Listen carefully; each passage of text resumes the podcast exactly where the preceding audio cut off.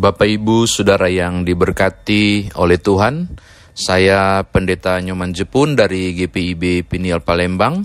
Saya mengajak saudara membuka Roma pasal 8 ayat 26, ayat 26 hingga ayatnya yang ke-28, uh, tiga ayat saja. Roma 8 ayat 26 hingga 28, sebelumnya mari kita berdoa. Bapa dalam Kristus Yesus Tuhan, kami mau mendengarkan firman-Mu, tolonglah kami, agar kami boleh memahami dan mengerti kekayaan firman Tuhan ini, lalu mengerjakan dalam hidup beriman kami. Demi Tuhan Yesus Juru Selamat firman yang hidup, kami berdoa. Amin. Roma pasal 8 ayat 26 hingga ayatnya yang ke-28 firman Tuhan berbunyi demikian. Demikian juga roh membantu kita dalam kelemahan kita, sebab kita tidak tahu bagaimana sebenarnya harus berdoa tetapi roh sendiri berdoa untuk kita kepada Allah dengan keluhan-keluhan yang tidak terucapkan. Dan Allah yang menyelidiki hati nurani, mengetahui maksud roh itu, yaitu bahwa ia sesuai dengan kehendak Allah berdoa untuk orang-orang kudus.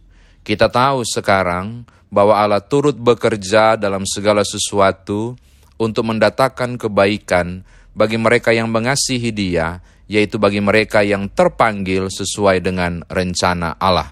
Demikian firman Tuhan, saudara dan saya dikatakan berbahagia jika mendengarkan firman Tuhan ini, merenungkannya, memberitakannya, istimewa melakukan dalam kehidupan beriman kita. Shalom Bapak Ibu Saudara, kalau saudara membaca Roma pasal 8 secara khusus pada perikop ayat 18 hingga ayat yang ke-30, ini bicara tentang Paulus mengerti tekanan-tekanan yang dialami oleh orang percaya pada masa itu di Roma tentang bagaimana juga pergumulan-pergumulan yang mereka rasakan dan betapa uh, sangat tidak nyaman ketika menjadi seorang Kristen pada masa itu.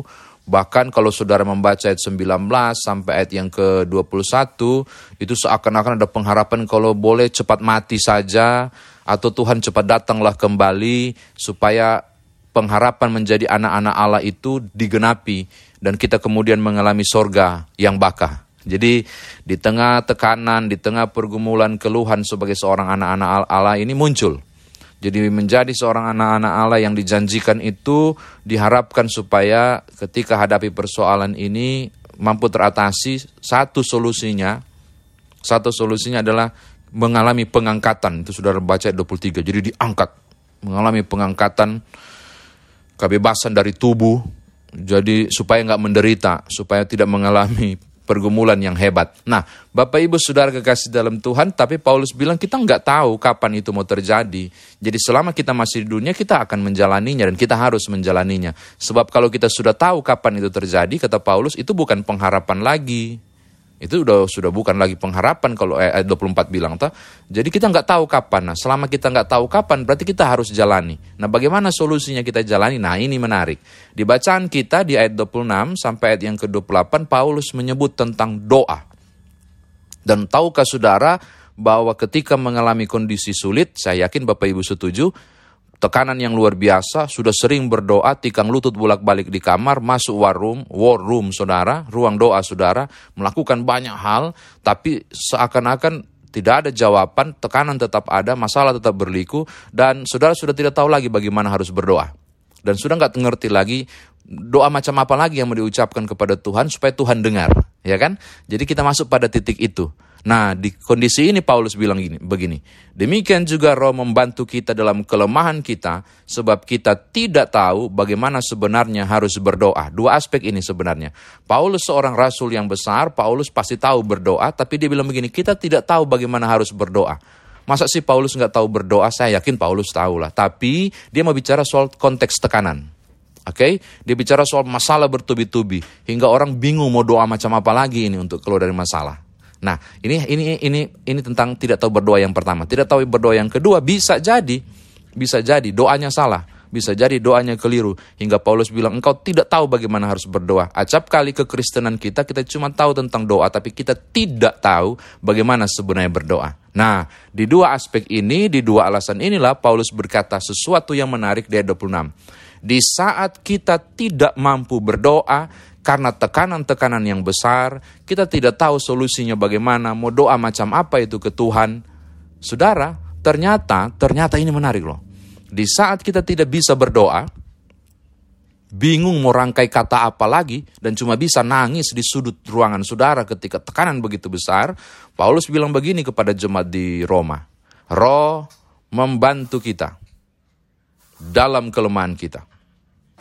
Roh sendiri berdoa untuk kita kepada Allah dengan keluhan-keluhan yang tidak terucapkan. Saudara lihat, saya menangkap ayat 26 bahwa di saat kita hanya bisa nangis misalnya, di saat kita hanya bisa terpaku terdiam, di saat kita bingung mau bicara apa kepada Bapa yang baik, karena wow banyak hal tidak baik yang sedang dialami saat ini, buntu jalan sudah saudara dapatkan, Paulus bilang kepada jemaat di Roma, jangan khawatir, Roh Kudus itu turut berdoa pada keluhan-keluhan yang tak terucapkan. Ayat 27 mengklarifikasi ini. Lihat ayat 27. Dan Allah menyelidiki hati nurani, mengetahui maksud roh kudus itu, roh ya, roh besar. Yaitu bahwa ia sesuai dengan kehendak Allah, berdoa untuk orang-orang kudus. Saudara lihat, jadi kita mendapatkan pendegasan lagi, bahwa ketika kita tidak mampu berdoa, kita tidak mampu berdoa, kita tidak mampu mengucapkan sesuatu, Roh Kudus berdoa untuk kita. Tapi menariknya ayat 27, ketika Roh Kudus berdoa, itu terjadi dalam kehendak Allah. Coba saudara baca ya. Eh, dan Allah yang menyelidiki hati nurani, mengetahui maksud roh itu bahwa ia sesuai dengan kehendak Allah berdoa untuk orang Tuhan tahu. Jadi ketika saudara tidak bisa berdoa, Roh Kudus dalam hati saudara mengucapkan keluhan yang tak terucapkan dan Tuhan tahu. Dan Tuhan tahu bahwa memang itu kehendaknya. Uh, ini ini saya cukup menggelitik. Pertanyaannya adalah, kalau Tuhan tahu, ngapain kita berdoa? Oh, nggak bisa. Matius 7 7 bilang, mintalah, maka akan diberikan. Nggak diberi kalau nggak minta. Maka berdoa itu penting, tapi di kondisi yang sangat ruwet, dan tidak bisa berdoa, roh membantu untuk itu. Oke, okay? ini catatan saya yang pertama. Yang kedua, yang terakhir, lihat ayat 28. Dengan demikian, Paulus bilang, kita tahu sekarang bahwa Allah turut bekerja dalam segala sesuatu untuk mendatangkan kebaikan bagi mereka yang mengasihi Dia, yaitu bagi mereka yang terpanggil sesuai dengan rencana Allah. Berdasarkan kenyataan ayat 26 sampai 27 bahwa di saat kita tidak mampu berdoa, Roh Kudus diutus untuk berdoa bagi kita. Ayat 28 bilang begini, maka Tuhan bekerja dalam segala sesuatu untuk datangkan ke kebaikan. Segala sesuatu yang dimaksud oleh Paulus, Roh Kudus itu diutus. Segala sesuatu yang dimaksud Paulus di saat kita nggak bisa berdoa. Segala sesuatu yang dimaksud oleh Paulus di saat kita sedang merintih kesakitan dan lupa berdoa. Di saat segala sesuatu yang dimaksud oleh Paulus di saat mulut kita bungkam, tapi hati kita menangis, Roh Kudus diutus untuk mengucapkan kalimat doa dan dikehendaki oleh Allah. Ini kan menarik Bapak Ibu. Di saat engkau diam, di saat engkau tidak berdoa sekalipun, Tuhan turut bekerja untuk membuat engkau bisa berdoa melalui roh kudus yang berdoa, padahal mulutmu sedang tertutup. Wih ini menarik. Jadi roh kudus turut, eh, Allah turut bekerja di dalam diam saudara. Allah turut bekerja di dalam tangis saudara, Allah turut bekerja di saat engkau tersudut. Caranya adalah, kata Paulus, dengan mengutus Roh Kudus supaya melalui Roh Kudus engkau bisa berdoa padahal engkau tidak sedang berdoa sebab Roh Kudus mengambil alih doa saudara. Ini luar biasa ya Bapak Ibu. Betapa benar Tuhan turut bekerja dalam segala sesuatu. Di saat kita bekerja atau kita diam, Tuhan turut bekerja. Saya kira demikian firman Tuhan ditafsirkan bagi kita. Nah sekarang bagaimana kita mau bawa dalam kehidupan beriman kita? Yang pertama, jika saudara memperhatikan tafsiran tadi, maka seharusnya yang kita hanya yang bisa saudara buat bereaksi dari teks ini adalah saya saya kalau saya baca ini hanya melongo. Wow. Amazing. Betapa luar biasa Tuhan kita. Hanya bisa begitu. Kalau saudara baca 26 ayat 27 seharusnya saudara terkagum-kagum. Bahkan sampai 28. Terkagum-kagum pada Allah kita. Mengapa? Betapa Bapa sangat menyayangi saudara betapa Bapa kita di sorga sangat peduli. Di saat kita tak mampu mengucapkan sebaris doa, termasuk keluhan sekalipun kepada Allah, Roh Kudus mengucapkan itu untuk kita. Dan saya mau kasih tahu Bapak Ibu, Roh Kudus tidak pernah salah. Roh Kudus tidak pernah salah tentang kebutuhanmu. Roh Kudus tidak pernah salah tentang arti air matamu.